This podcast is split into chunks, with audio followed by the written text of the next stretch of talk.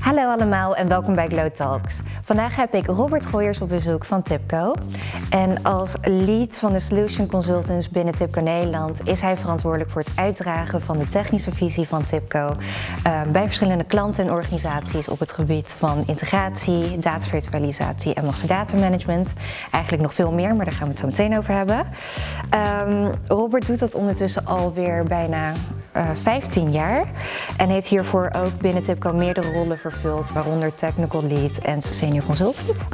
Uh, welkom Robert, fijn dat je er bent. Fijn dat ik er ben. Graag hier te zijn.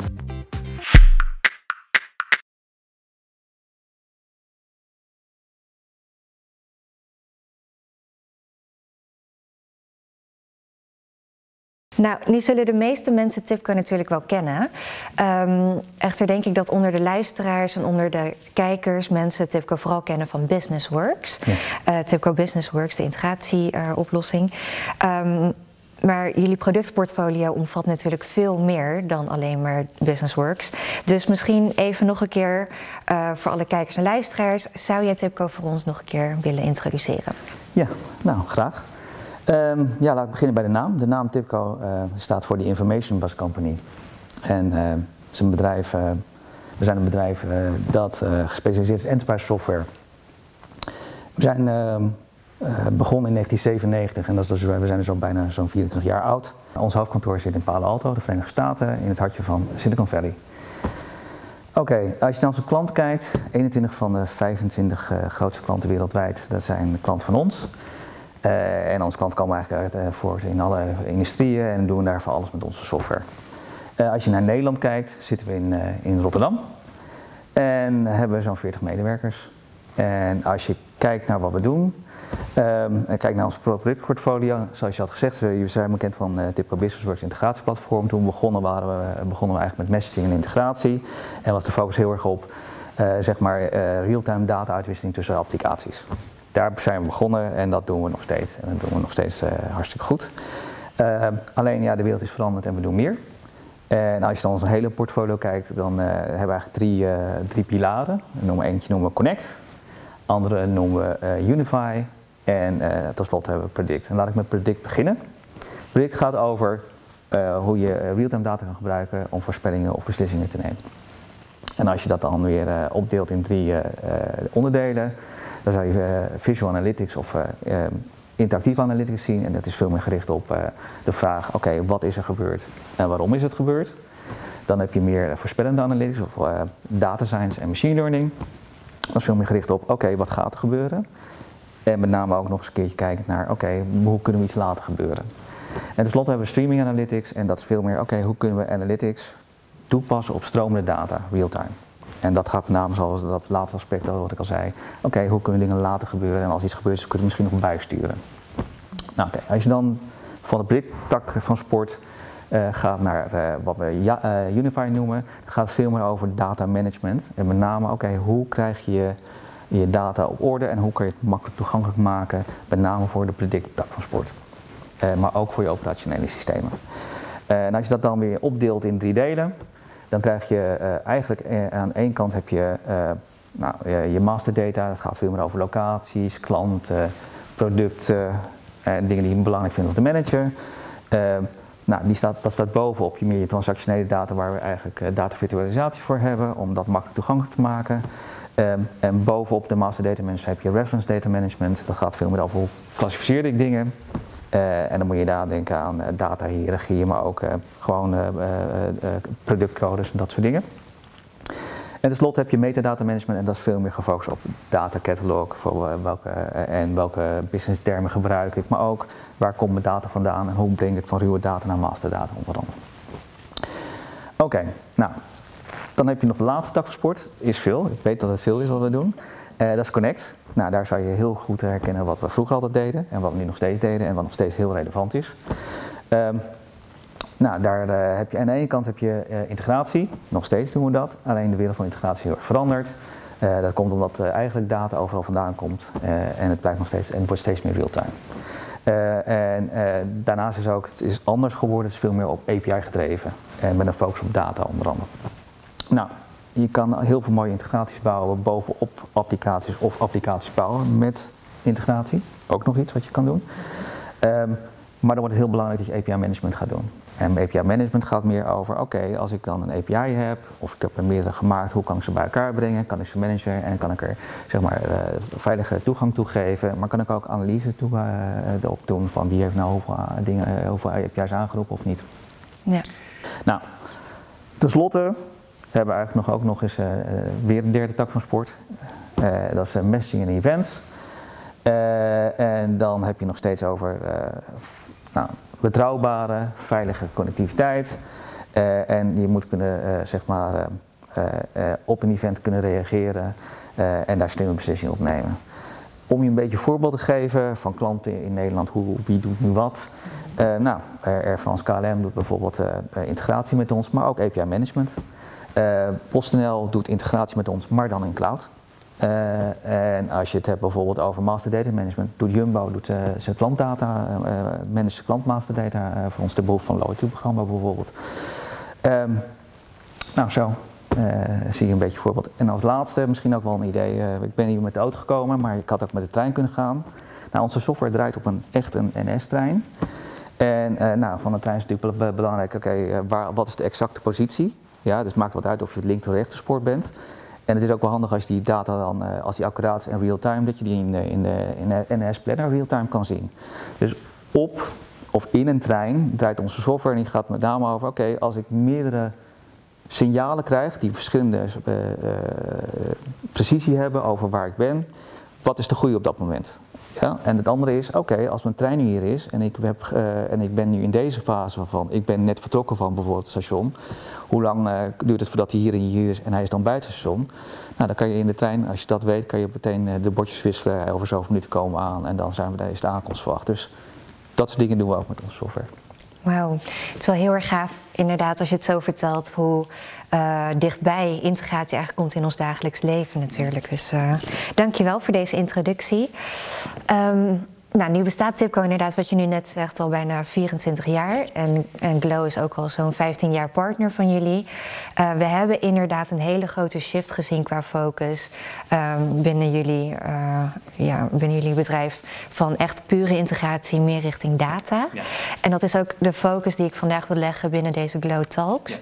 Ja. Je zegt de wereld om ons heen verandert ja. heel snel.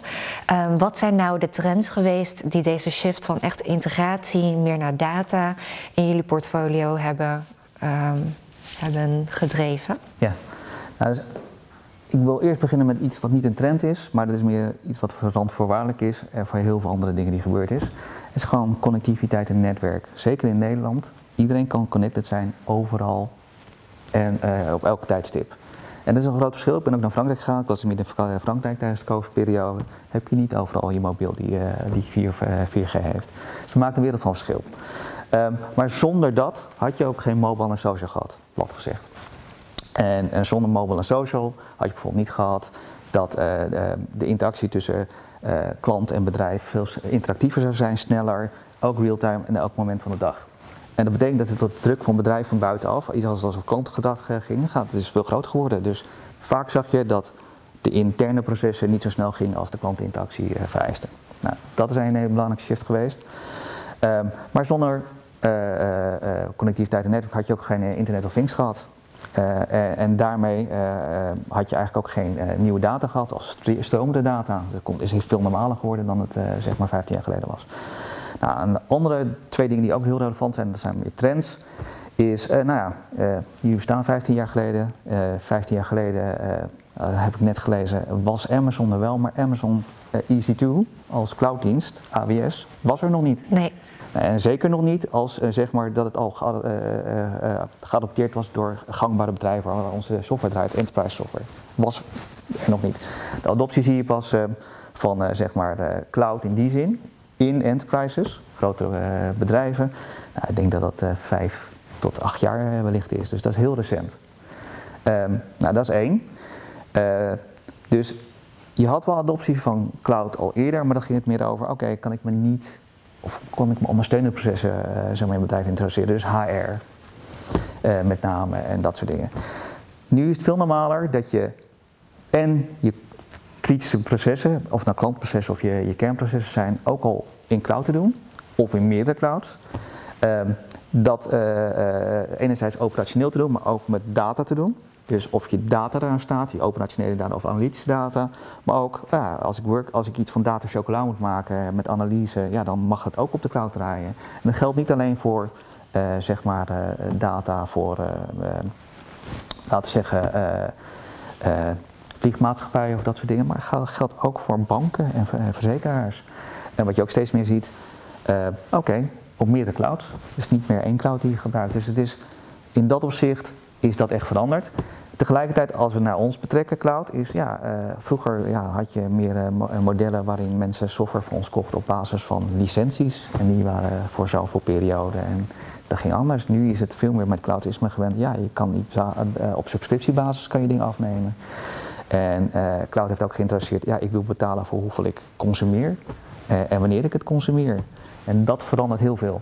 En merk je ook bij die klanten dan uh, van jullie dat die switch van inderdaad van, uh, naar een subscriptiemodel, dat dat heel erg makkelijk voor ze gaat? Of hebben jullie ook heel veel klanten die zeggen van nou doe mij maar het oude model? Dat, li dat ligt, ligt eraan. Wat je ziet is, uh, als wij langer bij een bedrijf binnen zijn, zal het vaak perpetual license zijn. Is namelijk gewoon al zeg maar in de operaties door worden er nieuwe initiatieven genomen. Die beginnen vaak klein, dus beginnen vaak op cloud of op een subscriptiebasis.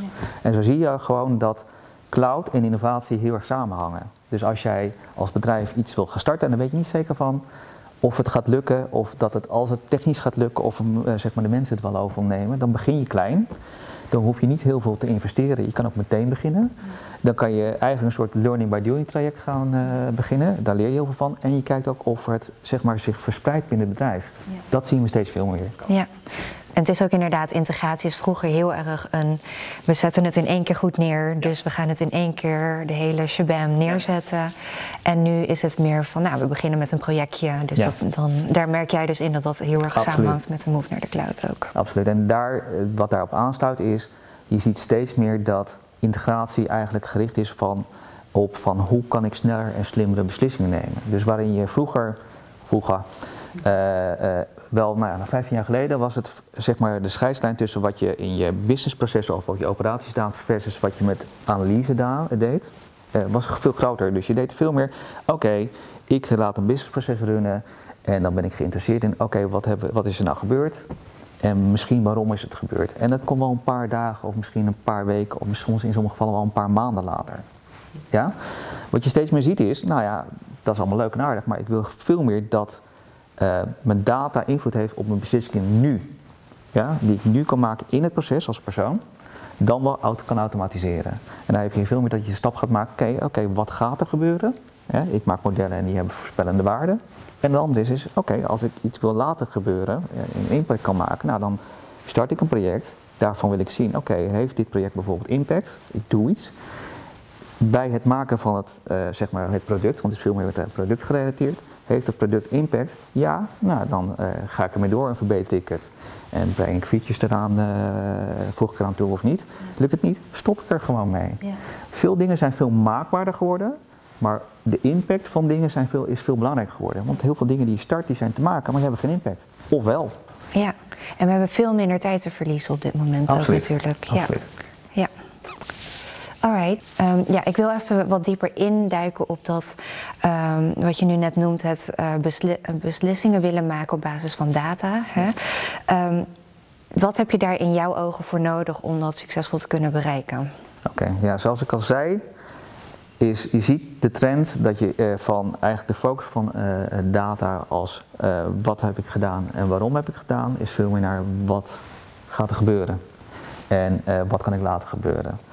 Um, dat betekent dat je als je een stappenplan maakt van oké, ik heb data of events, dan heb ik analyse waar ik een van die vier vragen stel, naar een beslissing, naar een actie. Dat is veranderd. en dat is veranderd met name omdat we veel meer is gefocust te gaan focussen. Oké, als ik kan voorspellen dan kan ik een beslissing ondersteunen of ik kan hem automatiseren. Uh, en uh, dus wat er belangrijker wordt is eigenlijk, oké, hoe kan ik sneller van een, uh, zeg maar, mijn data access en mijn data prep naar een datamodel komen, op basis waarvan ik kan voorspellen. Daar kies ik, je maakt niet één model, je maakt er meerdere. Dan zeg je, oké, dan maak ik dat, data, dat model operationeel. Dan noem je deployment, maakt dan niet zoveel uit. En daarna kijk je, oké, ga je monitoren en dan en dan managen en kijk je, oké, heeft die impact of niet? Nou, dat traject moet sneller. Als je kijkt hoe dat vaak gaat, is dat de meeste tijd wordt verloren in de data prep en de analyse. Ja. Dus, uh, dat, dus naast dat je eigenlijk moet ervoor zorgen dat dat proces goed gaat en de feedback loop goed is, moet je er ook voor zorgen dat je data prep, dat je niet veel tijd verliest in data prep en je analyse. Nou, en daar krijg je de stap die we hebben gemaakt met data management. En daar zie je gewoon dat je, als je data management moet doen, moet je vooral zorgen dat je data uh, beschikbaar is voor je data access. Dat een analist, uh, iemand die een analyse maakt, niet te veel aan zijn data moet gaan, gaan wat gezegd klooien. Ja? En dan gaat het met name ook over in, in dat opzicht, als je master, master data management doet. Ja, als je uh, analyses doet, dan is master data management speelt een rol in het feit dat je zeg maar, je dimensies en attributen waarop jij zeg maar, een analyse maakt. En met name als je zegt bijvoorbeeld, oké, ik, ik wilde weten hoeveel, hoeveel ik verkocht heb in, in deze winkel. Nou, als je het over master data management hebt, dan ga je eigenlijk je transactionele data van alle transacties die iemand in een winkel heeft gedaan, tel je bij elkaar op voor die winkel. Ja? Dus ja, de winkel is de locatie en de rekening waarschijnlijk die erbij, de rekening die erbij hoort. Nou, als je dat goed voor elkaar hebt, dan kan je die transacties bij elkaar optellen en kan je er een analyse voor doen. Als je ook er nog voor zorgt dat, als je dat over meerdere bronnen gaat, en dan moet je ervoor zorgen dat al die dimensies goed zijn. Want anders, uh, een heel goed voorbeeld, een simpel voorbeeldje neemt, als je salesresultaten wil doen over, ik zeg maar wat, Noord-Europa versus Zuid-Europa. En in een van de systemen hoort, dat is misschien een slecht voorbeeld, maar hoort uh, uh, zeg maar Italië wel bij, buiten, bij Zuid-Europa. In een ander geval hoort het niet erbij. Misschien is slecht voor, dan kan je beter over Duitsland hebben, maar je begrijpt wat ik bedoel. Ja, dan gaat het mis. Dan ga je dingen bij elkaar doen en zeg je: oké, ja, de resultaat van Zuid-Europa was slechter van Noord-Europa, maar dat komt gewoon omdat je verkeerde landen erbij bij elkaar hebt gedaan. Het is heel simpel, heel surfs, maar het gebeurt. Ja? Goed. Uh, dus dat soort dingen moet je op orde krijgen om sneller je, je data op orde te hebben en sneller tot modellen te komen die uh, uh, beter voorspellen op, en accurate voorspellingen doen. Ja. Ja, je noemt nu dus master data management en datakwaliteit. Data governance is iets um, waar ik ook heel veel over spreek bij mijn klanten dan. En je merkt toch dat dat zo'n onderwerp is waarvan iedereen weet van ja, dit moeten we hebben. Hè, dit is super belangrijk. Uh, we willen een golden source hebben van onze data. Um, maar het blijft zo'n lastig onderwerp of een, een lastig onderdeel om ook werkelijk te kunnen bereiken. Want je hebt uh, organisaties die zeggen van nou, we moeten onze data vastleggen, maar we kunnen het niet eens worden over welke data dan dus inderdaad wat je zegt uh, klopt of wat de waarheid is. Zeker in grote organisaties.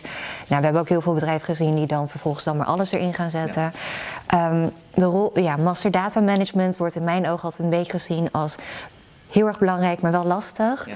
En de rol daarvan is ook nooit helemaal bekend binnen een organisatie. Dus ja, hoe zie jij dat? En wat zie je bij jouw klanten? Zo, als, als wij kijken uh, vanuit uh, Tipco, PET, ja, dan kijken we, uh, goed, master data management uh, doe je eigenlijk om uh, één plek te hebben om inzicht te krijgen en controle te krijgen over je master data. Nou, iets heel triviaals, maar waarom zou je dat nou überhaupt doen? Je hebt net gezegd, heel veel mensen zeggen, ja, dat vind ik ook wel belangrijk. tegelijkertijd wil ik niet uit de politieagent spelen en heel veel discussie over je, datamodellen. Nou, waarom wat is de rol van master data management en waarom is het belangrijk? Aan de ene kant is master data management gewoon belangrijk vanwege drie aspecten. Eén is gewoon voor je operaties. Als je met een operationele uh, uh, bril ernaar kijkt en je kijkt naar businessprocessen of bedrijfsprocessen, als je niet je master data management orde hebt, of het is inconsistente over systemen, dan stop je je processen. Ja. En dan kan je nog heel veel aan de voorkant met je klanten gaan uh, praten. Maar als een klant iets bestelt en het kan niet, de, de order kan niet vervuld worden omdat het gewoon daarna vastloopt, dan heb je nog steeds een goede ervaring. Dat is één. Um, andere aspect wat, je, wat heel belangrijk is, wat master data met ook heel erg belangrijk is, is oké, vanuit analyseperspectief. En uh, waar je eerst hebt, zeg maar, de business proces hebt, heb je hier business intelligence of analytics. Uh, dat is net het voorbeeldje wat ik gaf, is ja, je wil heel vaak uh, zien hoe je, de impact was van je proces. Ja? Hoeveel heb ik nou verkocht bij die locatie? maar dan moet je zorgen dat je dimensies, ja, als ik dan uh, kijk, klant koopt uh, uh, een product op die locatie. Heb ik klant, product, locatie, master data management. Als ik dan weet hoeveel die winkel heeft gekocht van dat product, dan moet ik transactionele data voor een product op gaan tellen. En daarmee is die zijn al die, zeg maar, die master data management termen zijn meer voor attributen of dimensies geworden voor, voor een analyse. Nou, als je dat niet kan doen, kijk, als je alles op één plaats hebt in je transacties en, en niet in je master data, dan ja, kan je dat niet bij elkaar brengen, kan je geen goede analyse doen, kan je ook geen business outcomes of de impact daarvan analyseren. Nou, als laatste, dat zie je steeds meer met met name bijvoorbeeld nou ja, de AVG, ja, klantdata is belangrijk. Zonder goede klantdata heb je geen goede interacties met je klanten. Tegelijkertijd, ja, als klanten tegenwoordig willen dat ze vergeten worden, dan moet je dat kunnen managen. Nou, als je niet zeg maar, je master data management voor bijvoorbeeld klanten op één plek of in ieder geval goed beheert, kan je dat, dat zulke processen niet in elkaar steken, dat is één. En tegelijkertijd als klanten in je operationele systeem of analytische applicaties anders zijn, dan kan het governance team, het, ja, ik denk een beetje, ik denk als het, uh, wij zijn van de politie, maar toch is het belangrijk. Ja, kan gewoon niet, weet gewoon niet wat hun scope is, want het verandert gewoon. Wat een klant is, is iets anders in die die, dus het wordt gewoon moeilijk. Oké, dat was één aspect van, oké, wat is de impact? Dus dat gaat over impact en dan langs, uh, zeg maar, operaties, analyse en governance.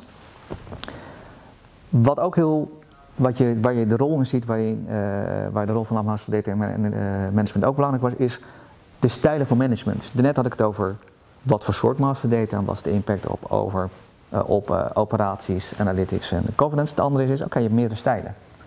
Eén is, ja, dat noemen ze central officership, is oké, okay, alle master data wordt vastgelegd als eerste. De bron is het master data systeem.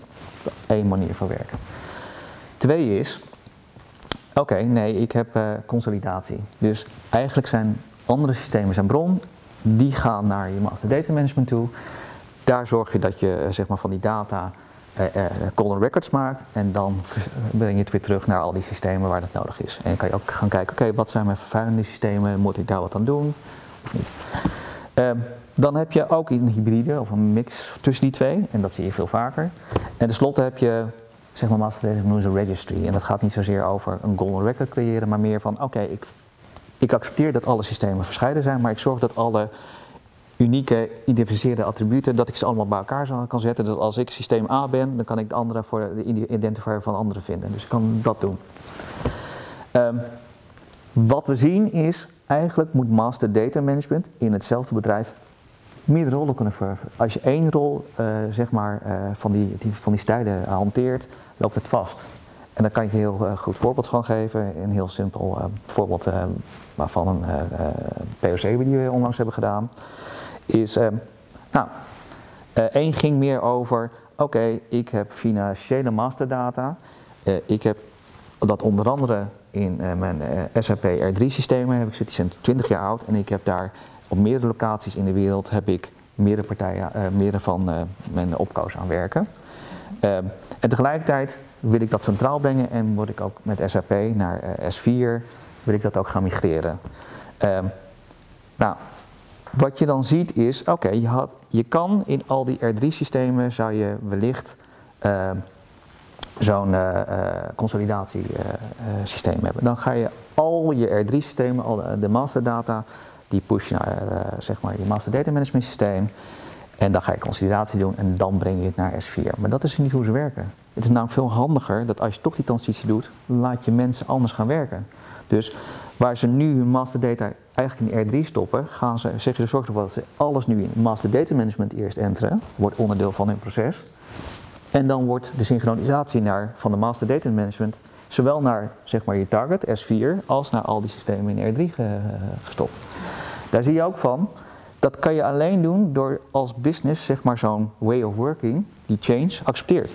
Ja. ja uh, en, en dat belangrijk vindt. Als je dat niet hebt, kan je gaan hoog en laag gaan springen wat je wil, maar het gebeurt gewoon niet. Ja. Tegelijkertijd in hetzelfde proces, uh, sorry bedrijf, had het over klantdata en hoe je van zeg maar uh, meer sales of sales channel data, waarin je zeg maar prospects convert naar klanten en dan, als die dat zijn, pak je de klanten op, gaan ze naar, door master data management heen. Dan consolideer je, maak je een, een, een golden record van. En dan push je het naar je ERP-systeem. Ja. Dat is meer een En waarom was dat?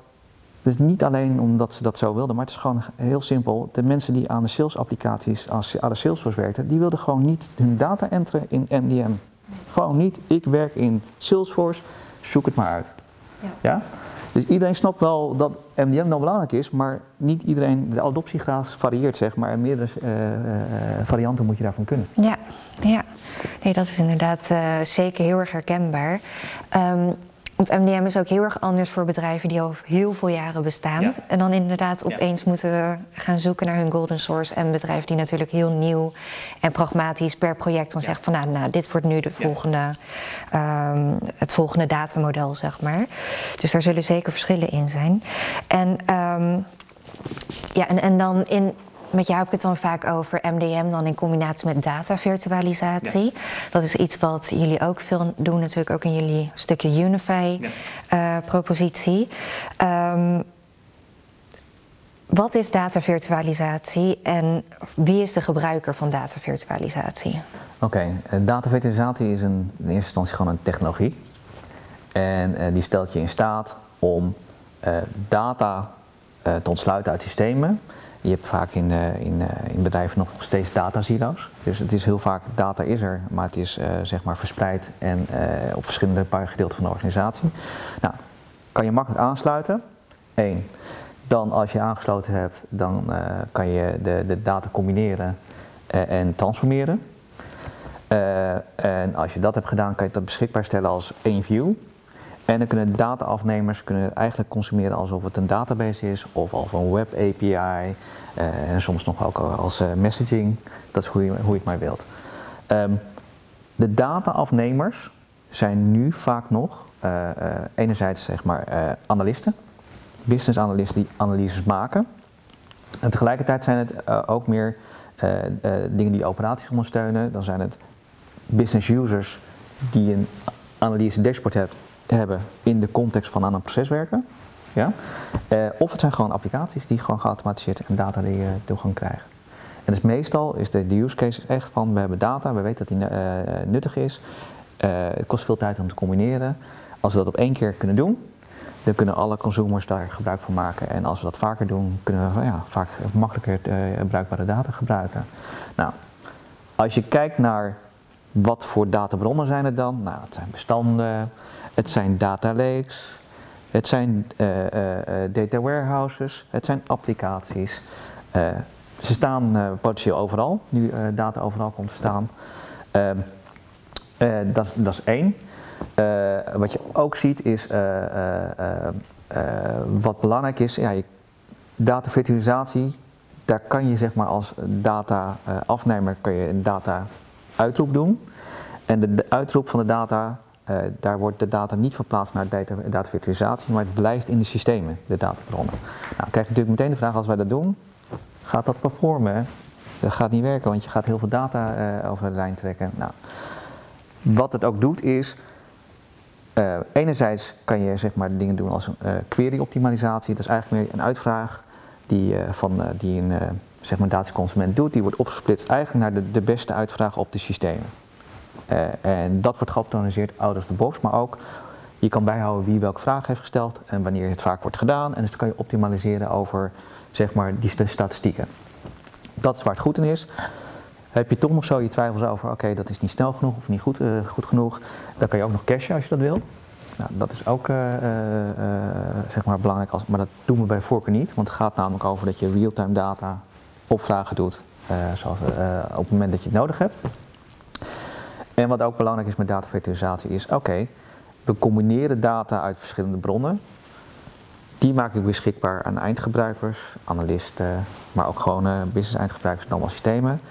Dan moet ik soms security, data security-achtige aspecten moet ik op de combinatie van die data doen. Dus het zit niet in de databron. Uh, en dan ik kan die view bij elkaar krijgen, maar dan moet ik specifiek zeggen, oké, deze attributen mag deze persoon niet zien. En dat zit wel in de databron, bijvoorbeeld. Nou, dat soort dingen krijg je ook en dat is anders dan als je bijvoorbeeld, uh, uh, als je dat met een API aanbiedt, is het anders dan zeg maar de, web de security om een web API te roepen. Het gaat echt over de data zelf. Ja, Oké, dus als ik het goed begrijp, is het dat je met datavirtualisatie ervoor zorgt dat je real-time in één view een overzicht krijgt van alle transactionele data. Is het Met name transactionele Ja. data en de combinatie die we zien is, oké, als je je transactionele data met datakwaliteit op master data management of re- eh, referentiedata eh, Ja. combineert, dan zal je sneller, zeg maar, een, ja, wat we noemen een eh, 360 view of everything, maar eh, je, je combineert master data met je transactionele data eh, en daarmee krijg je gewoon een meer real-time, accurate, complete overzicht. Ja, ja. Alright, en even voor mijn beeldvorming, want het klinkt een beetje, eh, bijna een beetje als wat je inderdaad ook met een API kunt doen. Dat Ja. is het niet. Ehm, hoe zou je beschrijven het verschil tussen wanneer je datavirtualisatie zou gebruiken versus een integratieoplossing of het ja, gewoon echt API? Als het gaat om, ehm, eh, zeg maar real-time, eh, da- eh, sorry, als het gaat om real-time integratie waarin je data bij elkaar brengt, dat kunnen zowel datavirtualisatie als integratie. Er zijn alleen bepaalde aspecten die datavirtualisatie out of the box kan en die kan je heel vaak niet met, of ja, nou, je kan je vaak niet out of the box met integratie doen of dan moet je echt wat voor doen.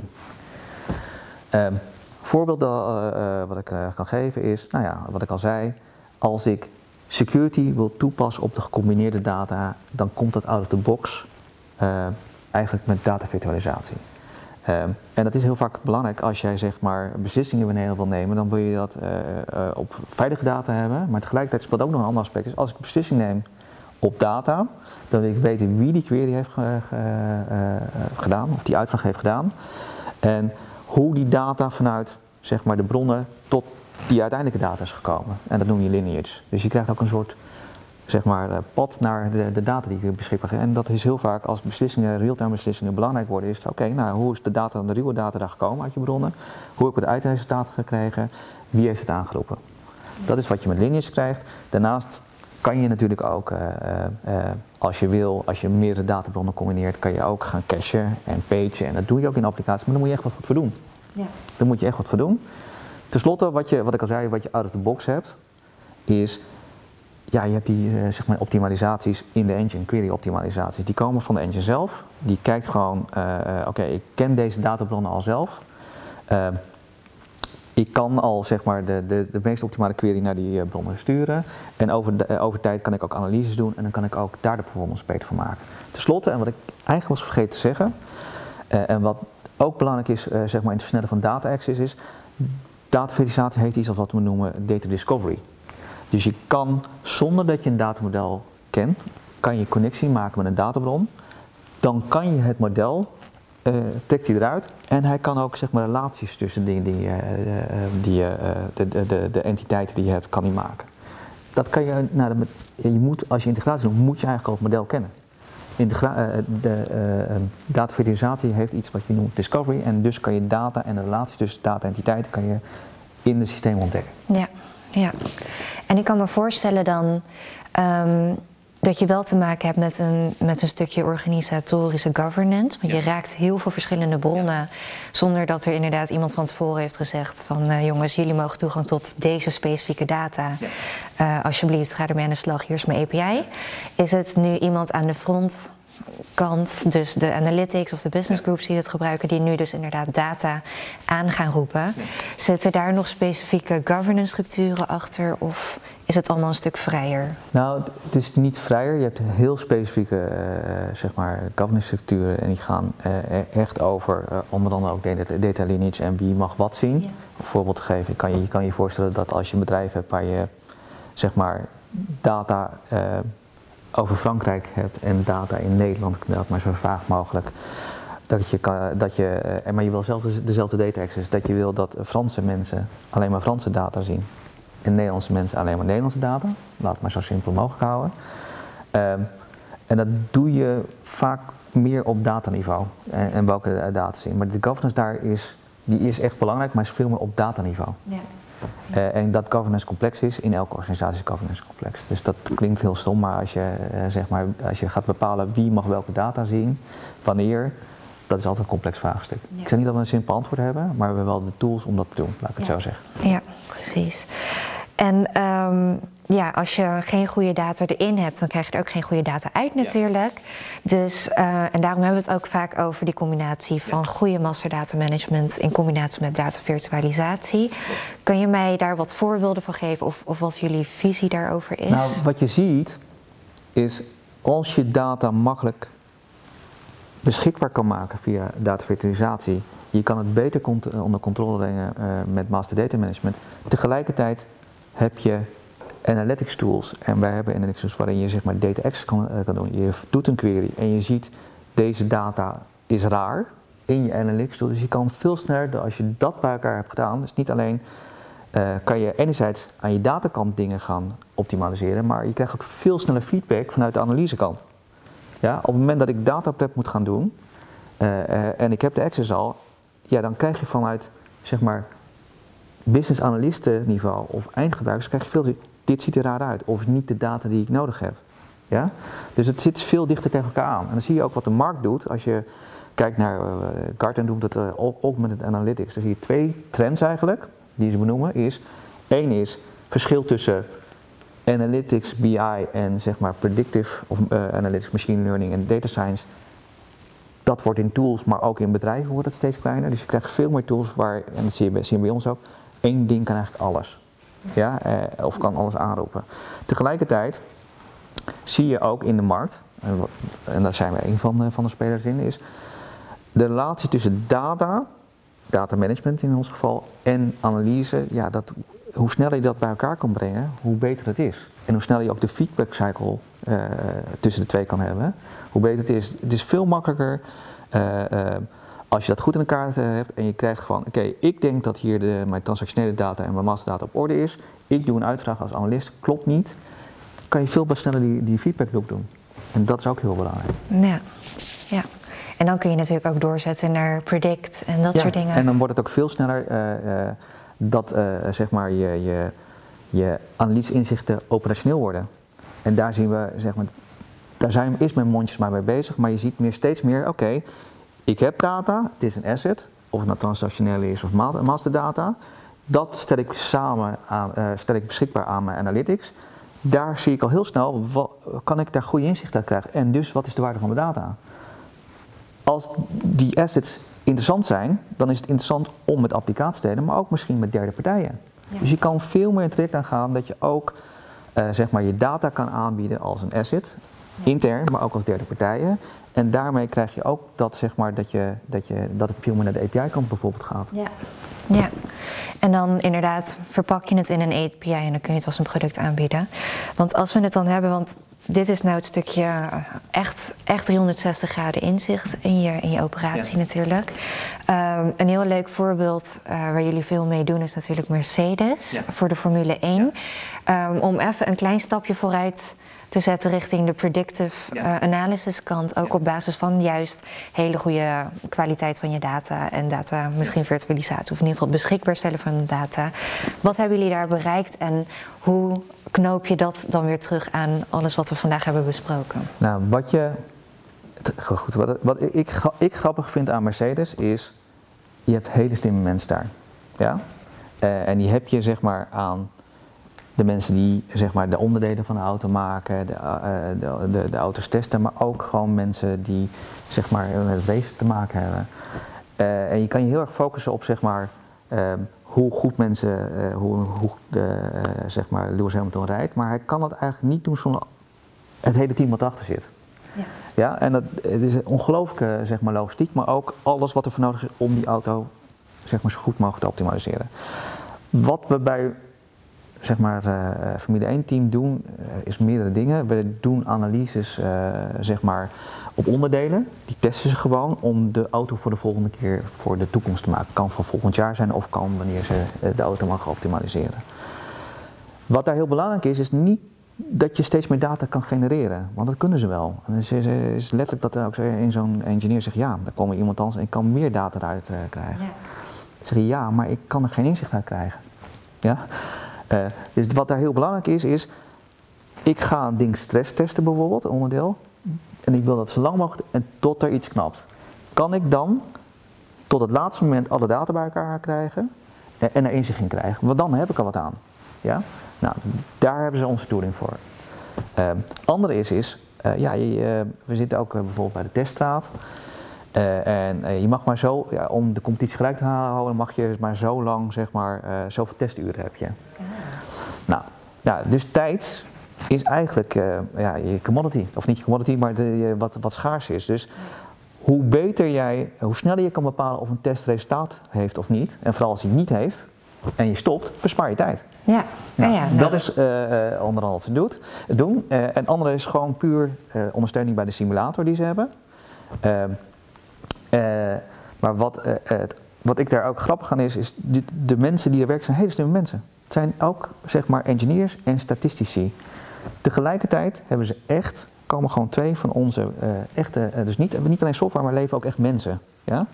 Er komen twee van onze data science die werken daar gewoon mee en die maken analyses zodat de wagen die gaat rijden, zeg maar, enerzijds als hij zeg maar, op het, ja, op de, bij de wedstrijd komt in de training, dat hij eerst al het beste model heeft, ja, om te weten beginnen. En daarna als je gaat trainen, oké, welke sensoren geven, geven goede data en, welke wel. En hoe moet ik het model dan gaan kalibreren? En dan nog, ja, is tot wat ze zeg maar, uh, wat zal het zijn, vrijdag, zaterdag gaan te, het testen en het model hebben gemaakt, totdat ze gaan rijden, kan nog steeds verschil zijn op het traject tussen zaterdag en zondag, ik zeg maar wat, kan nog steeds één seconde zijn. Dat is heel veel in Formule 1. Ja. ja? Uh, ja, dus over heel kleine dingen gaat het. Dus uiteindelijk, als je het heel, heel, heel sec ziet, is kan je data, eh, of het nou veel of weinig data, zo snel mogelijk laten leiden en compleet mogelijk tot inzicht. Eén, dat is wat we voor ze doen. Twee is, uh, als je gaat testen, experimenteren en je tijd is beperkt, als het toch een drol oplevert, bespaar je tijd. Ja? Help je ook mee.